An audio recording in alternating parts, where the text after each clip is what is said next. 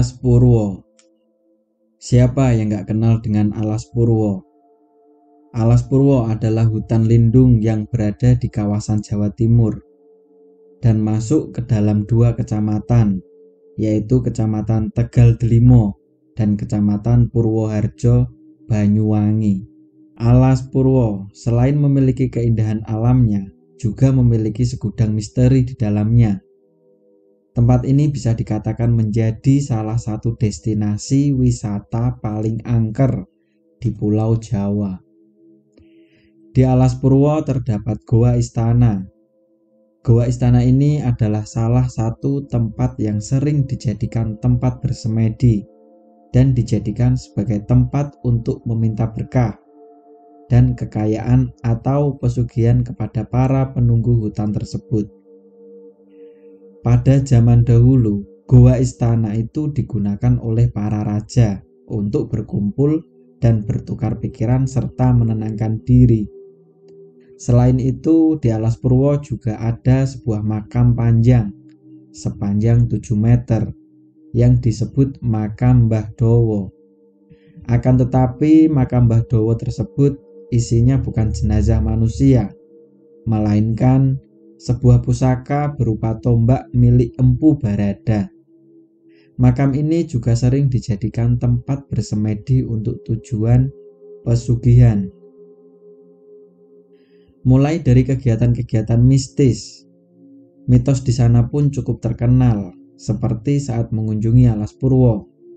Dan ketika kamu mendengar suara asing memanggil, maka kamu jangan menengok ke belakang karena hal itu dipercaya akan membawa malapetaka dan orang tersebut akan dibawa oleh makhluk gaib yang memanggilnya itu. Kejadian-kejadian yang terjadi di Alas Purwo memicu sebagian orang menganggap bahwa Alas Purwo adalah tempat yang angker dan keramat. Tak hanya itu, sebagian orang percaya bahwa di Alas Purwo terdapat kerajaan gaib yang menjadi tempat seluruh jin di Pulau Jawa. Nah, di segmen kali ini, Mr. Manyun kedatangan orang yang punya kelebihan dan bisa melihat tentang keangkeran yang ada di Alas Purwo. Tapi sebelum itu, buat kalian yang baru mampir ke channel ini, silahkan subscribe dan jangan lupa aktifkan loncengnya agar kalian nggak ketinggalan video-video terbaru dari kami.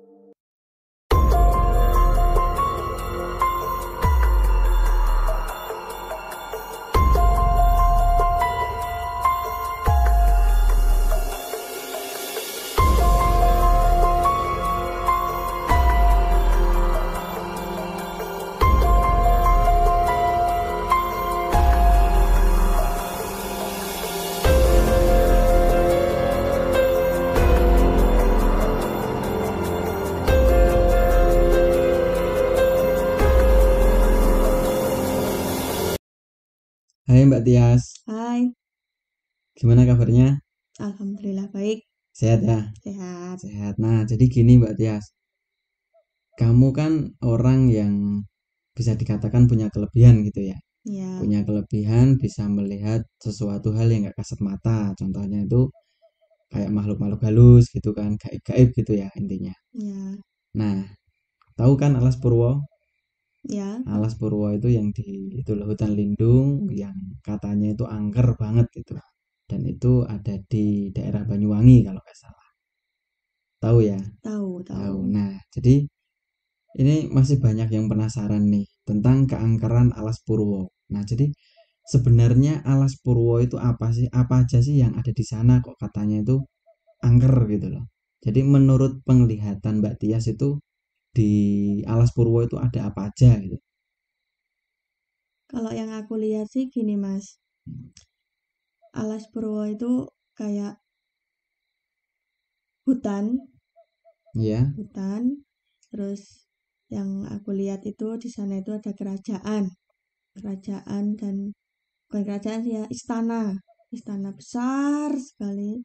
Terus ada kerajaan-kerajaan di dalamnya. Terus Oh, jadi kayak satu istana tapi di dalamnya itu banyak sekali kerajaan-kerajaan gitu ya. Iya, iya. Nah, terus ada apa aja di di dalam istana itu maksudnya selain kerajaan-kerajaan itu ada makhluk apa aja sih di situ gitu. Makhluknya seperti genderuwo, banyak banget di sana. Terus jin, bangsa-bangsa jin itu juga banyak. Terus di sana juga ada pasar goib juga. Oh, Mereka jadi di eh, di apa di alam lain itu memang sama ya kayak manusia ya. Maksudnya ada iya ada pasar, ada proses jual beli berarti ada kalau ada pasar kan. ada proses jual beli sama kayak ya kayak kita lakukan di pasar itulah kayak gitu. Oh, lah terus yang buat transaksi itu apa kalau eh, makhluk-makhluk yang kayak gitu itu? Biasanya sih kayak yang aku lihat sih mereka berjual belinya pakai segumpal darah kayak gitu. Terus Darahnya kayak darah apa itu? Darah hewan atau darah manusia atau gimana itu? Yang aku lihat sih kayak eh, darah-darah haid kayak gitu ya, kayak kayak darah-darah kotor kayak gitu. Hmm, Terus ada juga yang kayak bayi-bayi yang diaborsi kayak gitu itu. hmm. Terus banyak lah kayak hewan, pakai mereka pakai mereka juga pakai eh, kayak binatang, anjing apa babi kayak gitu Oke itu. gitu. Itu Iya, buat transaksi mereka ya. iya, iya. Hmm. Lah terus yang dijual itu apa sih? Banyak sih, banyak sekali yang mereka jual. Contohnya? Contohnya apa ya? Harus disebutkan gitu. Iya, nggak apa-apa biar teman-teman nih pada tahu kalau eh, kalau toh pun ada pasar setan. Bahasanya kan kayak gitu ya biasanya ya. Iya, Nah, itu transaksinya kan ada itu tadi pakai darah, pakai binatang gitu kan. Nah, yang mereka jual itu apa? banyak Apa contohnya? bayi yang diaborsi, terus ya yang sebangsa-sebangsa Kayak barter gitu ya iya kayak kamu punya eh, apa eh, segumpal darah aku ganti sama inilah Sama babi babi kayak gitu. gitu. Oh, Kayak gitu. Kalau kita kan beras, kamu punya beras, aku ganti sama ketelam kan. Kayak gitulah. Intinya oh. hampir sama kayak manusia kegiatannya. Hmm, jadi gitu. Nah, itu kalau kayak kita ya sebagai manusia normal gitu ya. Mm-mm. Selain mereka ada transaksi di pasar itu pastinya kan ada apa ya? Kendaraan gitu mungkin ada nggak kayak mobil, motor itu ada nggak? Kalau kita sih pakainya mobil ya, motor gitu. Tapi kalau mereka nggak pakai itu. Nah, pakainya apa? Yang aku lihat sih ada manusia, Mm-mm. tapi kepalanya babi. Tapi sebangsa jin juga itu berarti Iya, kan iya, cuman dia posisinya derajatnya dia sebagai kendaraan gitu. iya. Terus ada sih kayak kayak kuda, tapi bukan kuda sih, kayak mirip keledai, Mm-mm. keledai kayak gitu. Terus nanti kepalanya ya kayak anjing kayak gitu. Kalau Oh, enggak kepala kepala menyerupai manusia kayak gitu, tapi lidahnya panjang, matanya lebar atau hmm, telinganya gede banget kayak gitulah. serem berarti ya. Ya, lumayan serem lah, lumayan. Nah, Jadi itu ya, jadi keangkeran yang ada di Alas Purwo itu banyak sekali dan katanya, katanya itu Alas Purwo itu sebagai pusatnya jin-jin atau makhluk gaib di senusantara lah istilahnya atau di sejawa gitu. Memang betul, di situ semua ada gitu ya. Iya, semua ada di sana. Hmm, jadi kayak tempat pusat ya, pusatnya atau Mm-mm. perwakilan dari jin-jin yang ada di semua daerah itu mesti ada di situ gitu. Ada, ada. Hmm, ya ya. Terus Jadi di Alas Purwo itu kan ada goa ya. Anu, Goa itu namanya Goa Istana. Dan di sana itu banyak sekali orang yang menyepi atau apa ya, menenangkan diri, entah itu bertapa, entah itu cari bu- pesugihan nih, maaf ya. Ya, Itu katanya sih dibuat seperti itu gitu loh. Dan apa sih menurut Mbak Tias tentang Goa Istana yang ada di Alas Purwo itu gitu loh? Men- menurut penglihatan Mbak Tias itu kayak apa sih? Ada apa aja di sana gitu? Goa Istana ya. Goa Istana yang yang aku lihat tuh eh ada dua tentara penjaga di sana. Tentara makhluk jin gitu ya. Iya, masa tentara manusia. Ya. Antara ya jenis kayak gitulah. Kayak kayak mau perang kayak gitu itu. Hmm, itu di depan goanya atau di mana itu Di posisinya? depan goanya. Dua gitu ya. Dua, jagain kayak gitu. Hmm. Terus kalau untuk isinya goanya untuk apa kayak gitu, kebanyakan untuk pada niatnya tuh kayak untuk nyari pesugihan gitu loh mas kayak Hmm, nyari pesugihan terus usaha nggak lancar itu pengennya tuh lancar terus tadinya dari nggak punya pengen jadi orang punya gitulah mas yang aku lihat orang-orangnya sih pengennya sih bertapa terus minta pesugihan kayak gitu itu. Nah, kebanyakan kayak gitu ya. ya Tapi ada nggak sih orang yang tujuannya ke sana untuk apa ya menenangkan diri atau me- apa ngasah apa ya istilahnya kebatinan gitu ilmu keba- kebatinan atau ilmu hitam itu ada nggak sih kayak gitu? ada ada Ada. banyak juga di sana Oh, karena jadi mereka yang datang ke sini itu punya tujuan masing-masing ada yang pengen usahanya lancar ada yang pengen cari pesugihan ada yang pengen jadi dukun ada yang pengen lagi pengen menyendiri me- menentangkan pikiran kayak gitu hmm, jadi mereka mereka mereka ini datang ini dengan tujuan masing-masing mas berbeda-beda gitu ya. berbeda-beda ya Hmm, ya ya ya ya. Nah, jadi yang katanya nih, ini masih katanya. Jadi banyak orang itu yang mempercayai kalau dulunya Presiden Soekarno itu dulu pernah di sana untuk menenangkan diri dan bahkan ada orang yang bilang kalau dulunya itu Soekarno pernah di sana dan itu komunikasi langsung sama Nyi Ratu Kidul ya. Kalau nggak salah seperti itu. Nah, itu bener nggak sih kayak gitu gitu? kalau yang aku lihat kok enggak ya mas nggak Hmm, nggak pernah aku bukan bukan gimana-gimana ya tapi aku nggak lihat kayak gitu oh, kayak eh, Presiden Soekarno itu bertapa di situ terus eh, komunikasi sama eh, siapa? Nyi Roro Kidul gitu kok. Aku nggak ngeliat ya mas. Oh, jadi em, menurut Mbak Tias ini Mbak Tias nggak ngelihat ya tentang nggak. ah, cerita itu. Jadi ketika Mbak Tias itu melihat historinya dulu dan ada apa berita yang seperti itu memang sepertinya memang nggak ada ya dari ada. penglihatan Mbak Tias ini. Kalau aku nggak ada mas. Nggak ada ya? ada. Oh ya udah nah terus di sana itu ada lagi yang dikeramatkan juga namanya makam Mbah Dowo nah jadi katanya makam Mbah Dowo itu bukan eh, jenazah manusia akan tetapi kayak pusaka gitu loh. Ya pusaka panjangnya itu 7 meter itu bentuknya itu tombak gitu. Nah apa sih yang dilihat Mbak Tias itu apa mengenai makam Mbah Dowo itu gitu. Kalau yang aku lihat tuh emang dulu ada tombaknya mas. Emang ada Tombak tombaknya memang betul. ya terus Memang kalau panjang, panjang 7 meter. Panjang ya kalau panjangnya emang panjang banget ya emang panjang. Tapi berapa meter? berapa meternya aku nggak nggak bisa nyebutin berapa pastinya tapi yang lihat aku itu pak yang aku lihat itu panjang. Terus eh, kalau dulunya dulunya Hmm, tombak itu tuh yang aku lihat ini iya. Itu punyanya seorang laki-laki ya Hmm, udah agak tua lah gitulah ya mas Namanya, namanya. aku nggak bisa nggak bisa komunikasi cuman aku cuman ngelihatnya eh itu tuh eh, sosok laki-laki tua ya nggak tua-tua banget lah itu pakai sorban Mm-mm. dia pakai sorban terus Warnanya apa? warna putih sama pakai jubah Jubahnya tapi warna apa? jubah tapi pakai celana gitu loh mas apa sih Oh, namanya jadi baju yang panjang gitu, Heeh, tapi dia tapi juga pakai pakai celana. celana gitu Celananya panjang gitu ya. iya celana panjang Hmm, Itu warnanya apa kalau bajunya itu? sama sih mas Putih. putih Putih iya semua berarti iya celananya putih putih, sorban putih gitu iya ya. yaitu dia megang tombak itu emang tombaknya panjang kayak gitu ya aku Hmm, lihat sih gitu Terus dulunya ditaruh situ gitu. Apa? dulunya iya. Dulunya iya. Lah iya sekarang itu masih ada nggak sih sebenarnya gitu loh? Yang aku lihat nggak ada mas. Nggak ada. Iya. Nggak ada oh udah nggak ada gitu lah. Heeh, udah hmm. nggak ada gitu iya iya iya iya. Hmm, jadi banyak versi ini ya Mbak iya. Tias ya? Ya kan menurut penglihatan aku ya mas jadi kayak hmm. gitu.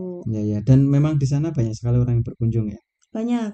Untuk ya Banyak. sama kayak kegiatan yang ada di Goa Istana itu tadi kan. Iya, sama. Hmm, angker mana, Mbak? Atau apa suasananya itu mistis yang mana itu? Di Goa atau di Makam Badowo?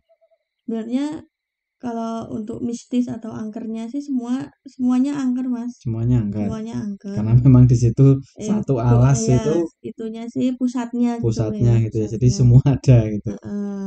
Nah, terus eh, kabar-kabar ya. Jadi dulunya itu sering banyak orang yang hilang di situ. Nah, katanya itu ketika orang melewat gitu ya atau di Alas Purwo ketika dia mendengar ada yang memanggil itu ndak boleh nengok ke belakang gitu loh. Dan katanya kalau kita nengok ke belakang kita nanti akan celaka gitu. Jadi entah mungkin hilang atau gimana terus mati dan nggak diketemukan jasadnya gitu bener nggak sih kalau kayak gitu gitu Kalau yang dibilang nggak diketemukan jasadnya, kayaknya kok aku nggak lihat ya, Mas. Tapi lihat kalau untuk hilang atau disesatkan ya mungkin bukan Hmm. hilang, disesatkan sama sama mereka gitu. Hmm. Ya gitu emang ada. tapi memang ada suara yang manggil prosesnya memang kayak gitu Iya, itu kalau orang-orang yang niatnya jelek, niatnya jahat, tuh biasanya kayak ada seorang yang manggil gitu. Hmm. Mas, mas, ini apa mungkin Mas, Mas kayak gitu, apa Mbak kayak gitu. Udahlah, komen didengerin suara-suara yang aneh-aneh kayak gitu. oh kayak gitu Kayak bunyi-bunyian apa gitu yang membuat eh, kita tuh kayak menoleh ke belakang kayak gitu seolah-olah eh, apa ya kayak yang kayak mereka tuh kayak ih apa sih ini terus dibuat linglung gitu. buat linglung gitu loh Iya, tahu-tahu sampai di pinggir jalan gitu atau gimana pinggir jalan apa di pinggir pantai dan tahu-tahu itu udah hilangnya tiga hari gitu ya heeh. Udah kayak kayak dibuat permainan dulu sama mereka gitu loh Mas. Hmm. Diputer-puterin dulu sampai mereka udah putus asa dan dia menyadari ah ternyata aku melakukan kesalahan kayak gitu. Kalau dia udah punya niatan kayak gitu berarti dia insya Allah pulang. Tapi ya itu linglung kayak gitu. linglung gitu Iya, ya linglung sama kayak nggak inget tadi tuh aku nggak diapain sih tadi aku ke mana aja sih gitu dia tuh tuh nggak inget gitu Nah, terus gini Mbak Tias, kita kan udah tahu ya, jadi di sana itu kayak gitu gitu ya. Ada sebuah kerajaan atau istana dan itu penghuninya adalah jin gitu ya, Iya. jin atau bangsa goib. Nah, terus karena di sana itu memang tempat wisata ya, salah satu tempat wisata gitu. Nah, di situ ada pantai, ada ya termasuk makam gitu. Intinya tempat wisata gitu. Nah, kan banyak sekali tuh orang-orang yang main ke sana. Mm-mm. Nah, untuk menghindari hal-hal yang seperti itu, gangguan-gangguan jin yang ada di sana itu apa gitu loh. Yang pertama sih badan harus bersih, Mas. Maksudnya bersih itu Ya, kalau bagi yang perempuan, kalau lagi mens ya mending tunda dulu. oh kalau ha- lagi halangan halangan. buat yang cewek-cewek gitu ya, Ya, jangan main ke sana dulu gitu kan. terus kalau yang habis maaf, habis berhubungan kayak Mm-mm. gitu, yang suami istri, ya mandi dulu lah. Oh, belum Mandi ada. dulu. Ya, kalau Oh, memang ada, Wo. ya, Dulu-dulunya ada. ada sih, ada memang. Heeh, Iya, ada. ada. Oh, jadi kayak kayak gitu. gitu. Jadi mereka walaupun mereka bangsa kayak gitu, tapi kalau kotor kayak gitu tuh mereka nggak suka. Malah intinya mah dibuat mainan gitu loh mas. Kayak Bahkan bisa diikuti sampai rumah gitu ya. iya dia bisa ngintil lah Dan bahasanya. bahkan bisa membuat orang itu linglung dan Linglung. linglungnya itu lama gitu ya. Iya. Makanya Hmm. kalau ke sana eh, harus bersih. Berarti niat dari rumah itu udah nggak ya percaya di situ angker gitu aja ya. Iya. Jangan Terus nggak boleh ini ngomong yang jorok-jorok, yang saru-saru tuh nggak boleh mas. oh nggak boleh. Nggak boleh. Harus sopan lah intinya. Hmm, ya ya attitude gitu ya. Iya. Jadi saling mm, menjaga tepos liro gitu ya. Iya. Walaupun kita nggak sebangsa gitu kan. Iya, kayak gitu. Oke, yaudah.